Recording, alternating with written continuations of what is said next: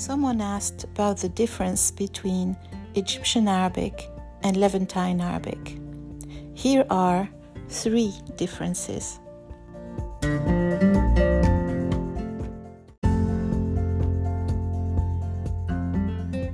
In Egyptian Arabic, when you conjugate a verb in the present with the first person, you add the prefix ba. So you say bashrab, بشتري بشوف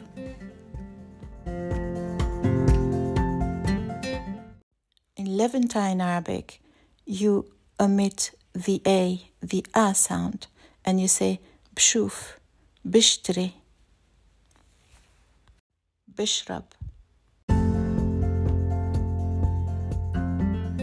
Regular feminine nouns and adjectives uh, that end in a ta marbuta are pronounced with the final a in Egyptian Arabic.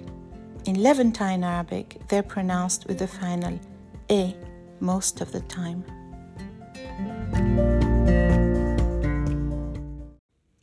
So in Egyptian Arabic, you say Lubnaniya, and in Levantine Arabic, you say Libnaniye. You say Arabiya in Egypt and Arabiye in Lebanon. The third difference I'm pointing out here is in negating verbs. So in Egypt, there are two parts to the negation one part before the verb and one after.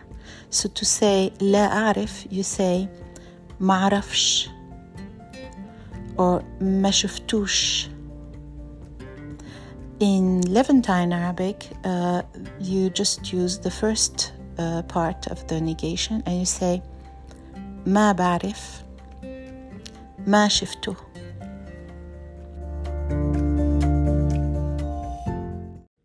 I hope this helps. Follow me on Amazon to find out when my book 100 Things You Need to Know About Arabic is published.